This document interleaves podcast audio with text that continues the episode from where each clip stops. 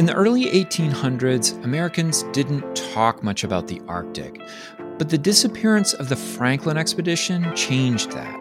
By the 1850s, Arctic exploration had become a fascination, and by the end of the century, they called it Arctic fever.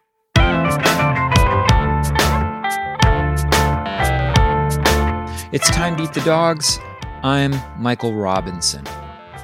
Today, Kevin Fox interviews me about the history of American Arctic exploration, which was the subject of my first book, The Coldest Crucible.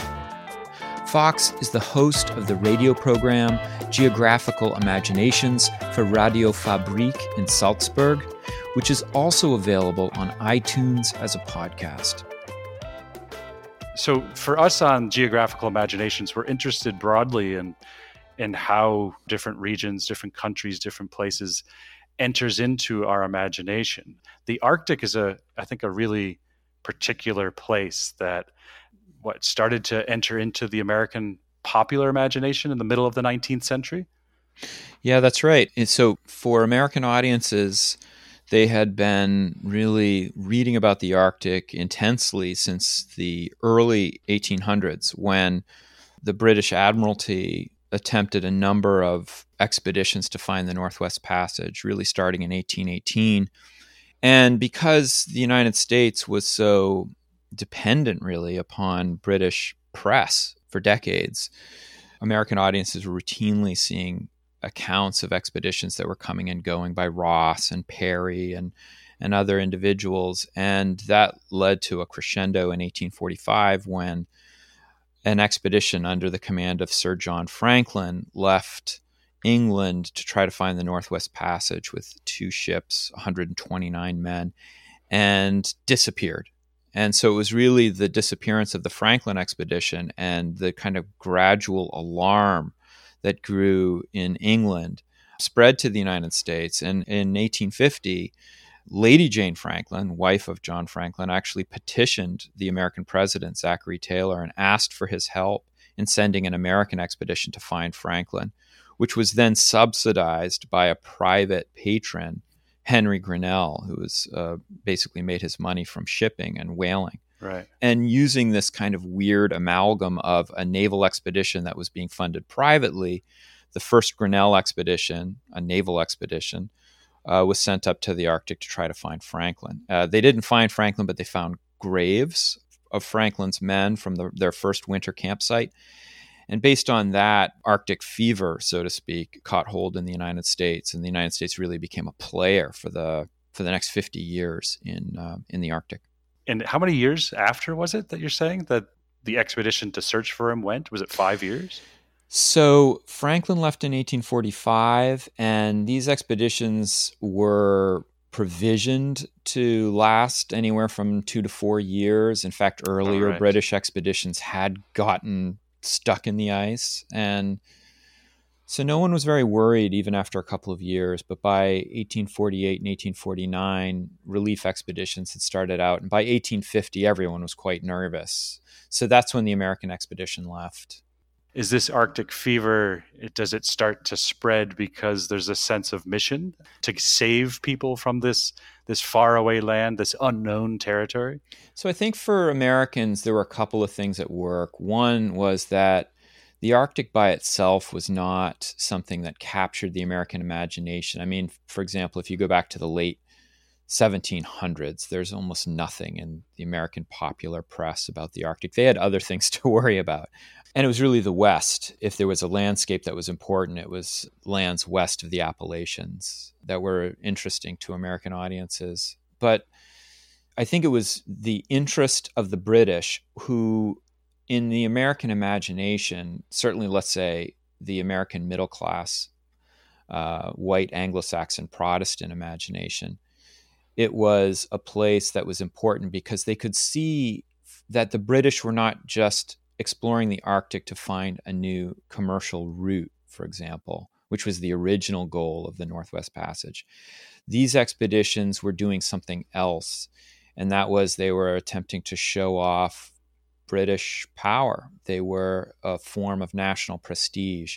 And American audiences did know very much about the success of James Cook's voyages to the Pacific in the late 1700s because American school children were reading about Cook in their geography yeah. primers and their family atlases. I mean, this stuff was everywhere. So there was a way in which I think American popular audiences already understood that exploration had changed and it wasn't simply about commercial exploitation or colonization, that it was a way of showing off what we today might call soft power. Yeah. And so the idea that Americans would go into the Arctic and save not just any British expedition, but essentially the cream of the crop, the jewel of the crown, John Franklin and his two ships, was intensely exciting for American audiences. And then attached to that was also all of the kind of aesthetic qualities of the Arctic that had been made popular by the British and other Europeans, this kind of romantic sublime that gets attached to icebergs and the aurora borealis and landscapes right. of the Arctic. The, the term expedition, I mean, you just mentioned, you know, sometimes I just go back and look how a dictionary still defines yeah. a word. And mm. this is from Oxford, uh, undertaken by a group of people with a particular purpose, especially that of uh, exploration, scientific research, or war. Um, yeah. yeah. This falls in maybe to a, a little bit of a, a different category. Is this, it's not so much empire, you're not colonizing and trying to take over the peoples, but it's also, it's about kind of making some claim to the region.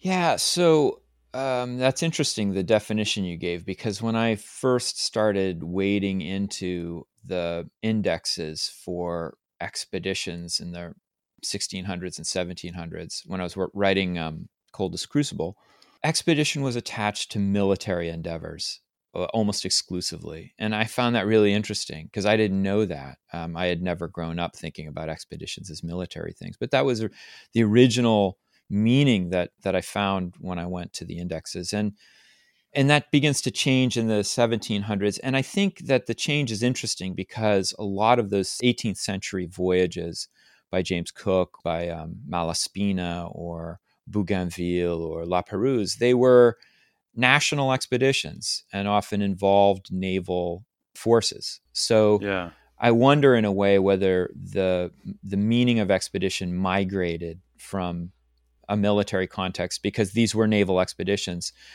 to the meaning we now think of them as discovery expeditions in the early ni- uh, 19th century. But yeah, to the point of your question, expedition sounds very official. And I think, in a way, that's the goal of calling it an expedition is giving it some symbolic heft because you know what's the difference between somebody who travels and somebody who explores? I don't really think there there is much of one. Or to call somebody an explorer versus a traveler, in many respects, the difference is not a difference of, of kind or of content. It's the difference of who's going out exploring. It's the identity of the person yeah. going out. So, for example, you do not often hear of people from, let's say, uh, the Swahili coast who are moving into the into Central Africa in the 1700s as explorers, but they were. Or you don't hear about, let's say, Africans who are crossing the Sahara as part of the trans Sahara trade as explorers, but they were doing relatively the same thing yeah. Western pioneers were doing as they moved west. So I, I think, in a way, expedition is a term that gives gives symbolic heft to the object of travel. It's not that it's really different in kind. Do we relate explorer to a certain age of transatlantic exploration? Have we had to get away from that term? Is that part of it or I, I wrestle with this a lot because I feel that, you know, as I as I was saying before, I think that people travel for a variety of reasons. They they travel because they want to learn more about the world yeah. or they want to learn more about themselves or they they want to make money. And those motives, often mixed motives, are true for people around the world, western, non-western. And so then the question becomes what value do we give to this term exploration or expedition when they are really freighted i think they're really freighted as western terms i wrestle with this question a lot and i think my only answer is to say i guess it depends upon the project if you're interested right. in looking at a specific cultural context that is north america and europe in the period from you know 1400 to the present, then the word expedition is perfectly acceptable and you can talk about it in that context. But if you want to dig at cross cultural projects or how other people travel, which is kind of the goal of, of my podcast actually is to try to bring those things into conversation then yeah. expedition isn't really a, a very useful term because it is it is so freighted i will just say very briefly that there have been people who've tried to categorize this stuff william Getzman in the late 60s wrote about there being three ages of exploration, or at least two ages. And then I think uh, Stephen Pyne uh, kind of expanded upon that with three ages of exploration. The first of which, all of them are very Eurocentric, but the first of which was, um, you know, essentially from Columbus or from the 1400s forward, where it's, uh, you know, sometimes tip, typified as the first age of discovery, where you have uh, people going out to create missions and get gold and to colonize people. And then you had the second age of exploration, which was the Enlightenment period, where you guys have guys like Cook and Lewis and Clark, right. these kind of uh, manifestly scientific expeditions. And then the third age, which Stephen Pyne talks about, is the 20th century, which he would argue is ex- the exploration of places without people in them, almost uh, abiotic expeditions undersea to the Antarctic into space.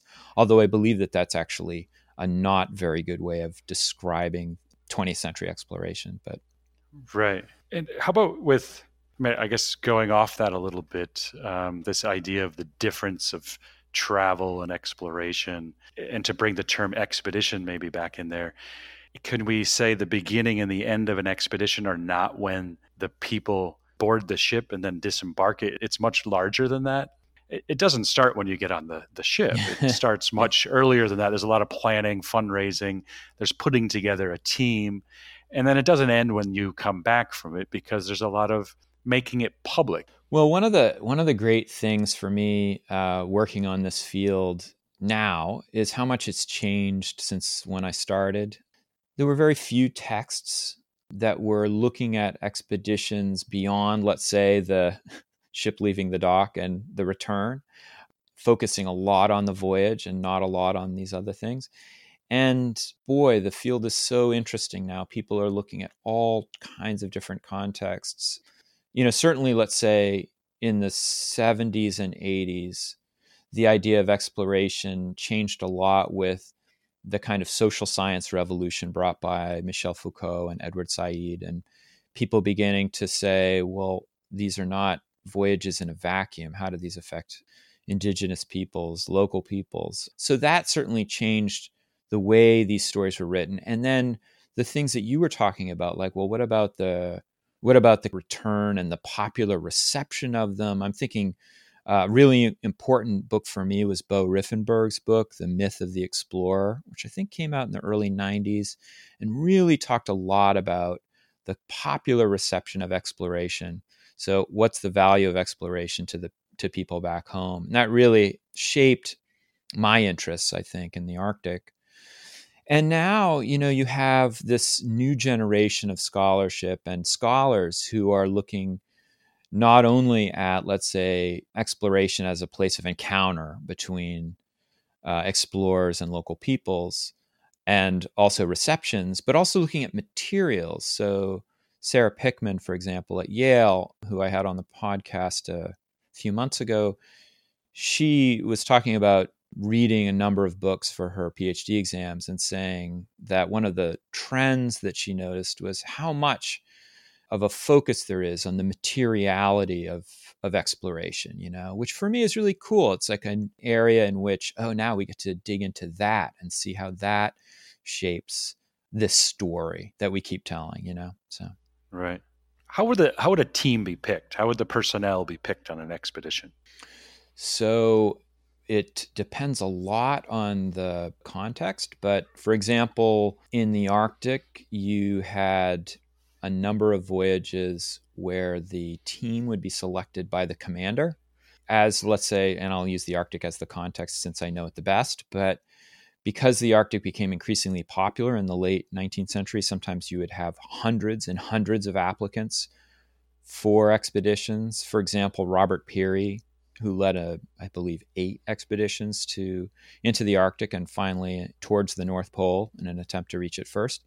His archives are filled with literally hundreds of letters of application from people around the country who oh, wow. wanted to join his expedition, and he would make these um, decisions, you know, himself or with uh, a couple of other people. There are certainly changes in that. I mean, if you as you move into the 20th century and people start doing social science research and they start really investigating, let's say, small group cohesion and asking the question, you know, what kind of personalities fit together well, those decisions about crews change a lot. And uh, I was actually just listening to interviews and oral history with Phillip Law, who is the director of the Australian Antarctic Division. And he was talking about this is an interview that he did when he had retired, I think in 1987. And he was talking about how originally they they tried to pick like go-getters and big personalities for their Antarctic stations and found that that actually led to a lot of problems and that you had far better luck finding people who were actually a little bit more reserved and who were a bit more flexible and who did not have big opinions about everything. And that those qualities actually also changed over time as you developed a base and the base matured, you would need different kind of selection devices for your crew. Maybe the recruitment of those popular people was to help get funding. Is that is that part of uh, I mean, you know, money was always an issue, although it didn't show up as much into who you selected for your crewmates because those people might very well die, but it was how you decided to name various things that you found, various capes, bays, mountains, which you would uh, name after your patrons uh, so that they would be uh, proud of all of the money they gave you. Yeah, I mean, I guess that is part of the uh, I don't know, one of the legacies of the of this expedition, this Arctic fever era, uh, are the the toponyms, the place names yeah, that we still yeah.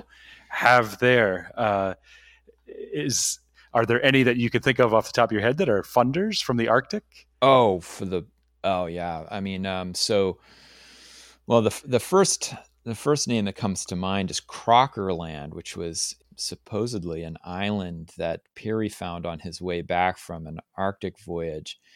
Attempts were made to find this island off in the distance, and no one ever found it. But it was named after a patron, a big patron of his expedition. So it was clear that he wanted to uh, to name this, uh, you know, after someone who had given him a lot of money. And uh, you know, if you the bays and capes of the Arctic are filled with the names of patrons. Now, on the Grinnell was it officially called the Grinnell Expedition? Is that yes? Yeah, that's right. Mm-hmm. Who was leading that? Is this Elisha Kane? Uh, so or is he the, a member of that first yes, expedition? He was yeah. a member of it. The it was it was actually led by a, um, a naval officer, Edwin de Haven, who uh, was happy to lead the voyage, but didn't want to write about the voyage. Didn't see himself as a writer. So that normal prerogative of the commander to write the narrative of the expedition was delegated to Kane, who was the medical officer. Elisha Kane had been educated at uh, University of Pennsylvania, was a physician. He had also served in the Mexican American War. He had traveled around the world and enlisted to join this Grinnell expedition when it left. And when the opportunity was given to him to be the the chronicler of this expedition, he took that up with uh, with zeal, and his his narrative of the first Grinnell expedition became quite a hit, and especially when he came back and wanted to lead his own expedition, the fact that he was actually writing about the first expedition increased his stature. Uh, plus, he knew how to write. I mean, he wrote in that Emersonian romantic style that was quite in vogue in the United States in the years before the Civil War. So it was. It sounds quite melodramatic today. It's really quite over the top, but it was uh, these kind of majestic, spectacular scenes of Arctic icebergs and and wildlife. Making connections to the classics or to oh yeah yeah the yep. mythology of Western civilization and allusions to uh, Odysseus and lots of that. Right. Our heroes today are in sports and popular imagination. Uh, actors are heroes in some ways. Were they of this sort of stature? They became of that stature. So it's interesting. There's this shift. The first Grinnell expedition, when it's sent up, I think because this was really new the American Congress and the American press didn't exactly know what to do with it, but they liked the idea of an American expedition finding the British. So there was a kind of patriotic fervor around it, but it wasn't a fervor that was attached to DeHaven or any individual on the expedition, none of whom were known in 1850. Yeah. But the kind of cult of personality around explorers really grew up with Elisha Kane. I mean, he was the Neil Armstrong of the 1850s. Yeah, when he died, I mean, so he led his own expedition in 1853, got stuck in Smith Sound, overwintering in the ice, eventually was able to lead his men out on whaleboats. It's kind of like precursor to the Shackleton expedition. Managed yeah. to get everybody out alive except for three men. I think he lost three men. And when he returned in 1855, uh, everyone thought he was dead. So it was met with astonishment and glee. And then Kane himself became quite a hero for leading his men out of danger, as well as for writing about it so eloquently. And then Kane himself died of rheumatic fever in 1857, which only catapulted his reputation even higher. So he had a funeral right. cortege that lasted for three weeks. It was the biggest funeral cortege, I believe, until Abraham Lincoln in 1865. Didn't they sail up the Mississippi or they, they traveled did. up the Mississippi? and they went by train. He died, he died in Cuba. In Cuba at yeah. 37 years old, right? Yeah. At 37, yeah. dies in Cuba because he went there thinking that was going to be better for his health. That's right. And then sails up the Mississippi with stops so that people could pay their respects, right?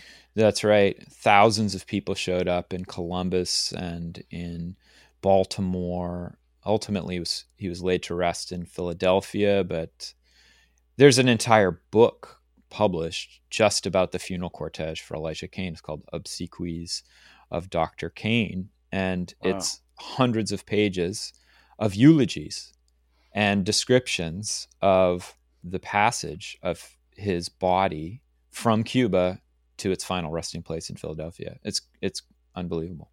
And the Geographical or Geographic Society of Philadelphia honors someone maybe every decade with a medal in his name. I mean, yeah. it's it's that popular. Although, if I asked uh, social studies students in eighth grade, maybe uh, if they had heard of him, what's what are most U.S. American social studies students in eighth grade going to say? I don't think anybody knows about Kane. It's it's really interesting the afterlife of explorers because right. it's hard hard to predict. Actually, I mean, Lewis and Clark, for example, who every middle school kid knows about, were relatively unknown in the 19th century. They were only really uh, rediscovered after the centennial exposition for Lewis and Clark in 1905 that put them back on the map because so much about lewis and clark had been lost uh, right. you know their materials had been lost uh, they were eclipsed by other explorers i mean they just really weren't known about and yet in the 20th century they've become huge figures whereas people like um, elisha kane or alexander von humboldt are really not talked about very much in popular culture you know it's the same with shackleton until the film was made. Yeah, until yeah. The, or the book came out first, but yeah. You know, Robert Falcon Scott was the great martyr of uh, Antarctic exploration. Uh, he died, you know, at a time when Britain was gearing up for the First World War, and it was all of a piece, right? Somebody who gave his life for British patriotism. And Shackleton, by contrast, was a guy who, you know, never even made it to the Antarctic mainland. His ship was crushed, and he he came back, you know, with his crew. So it was really only in the 1960s that Scott disappears or becomes looked at differently, and then Shackleton rises. So it's really interesting the way these things, these afterlives of explorers. Yeah, I'm curious, I guess, a little bit too about to continue with Kane, for instance. You know, his popularity. I think writing a book is really important, and and that gives him a a platform. Uh, but you know, was he also giving speeches and and giving presentations in cities that he visited? Also, is he just engaged in that public forum of bringing the world home? Yes, he was, uh, and he gave dozens and dozens of lectures between the first ex- first Grinnell expedition and the yeah. second Grinnell expedition that he led. And he he lectured widely, especially on the East Coast. And there are also accounts of his expeditions in the newspapers. And from those, we know that interest in exploration was not limited to people like Kane. It was broadly popular with working class and middle class audiences with men and women. I mean, the the writings of women about Kane are quite incredible. Um, people who see him as a model of manliness or who are taken with his writings, his evocative romantic writings, his gothic writings. In fact, kind of the point of my first book, uh, Coldest Crucible, is to look at the Arctic not as a place in and of itself, but as a kind of stage for Americans to talk about things that they think are really important. Huh. One of which is what does it mean to be a man in the 19th century? What does it mean to be a man of character? And how that idea changes from Elisha Kane, who was, you know, he was short. He was suffering from rheumatic fever from the yeah. age of 19. He spoke in a kind of dreamy gothic way about uh, life in the Arctic, who is described by his men as motherly or feminine in his qualities. And yet, all of those things together combine to make him an icon of manliness. Whereas at the end of the 19th century, when you look at a guy like Robert Peary, who was also praised by dozens and dozens of women, again, his archives are filled with postcards and letters from fans, women fans, often describe him as a man in very different terms, as, as being strong, as being brave, as being a man of few words, of being tough. It's a very different model of what it means to be a man. And I think you see it in the way that they're described by their their followers.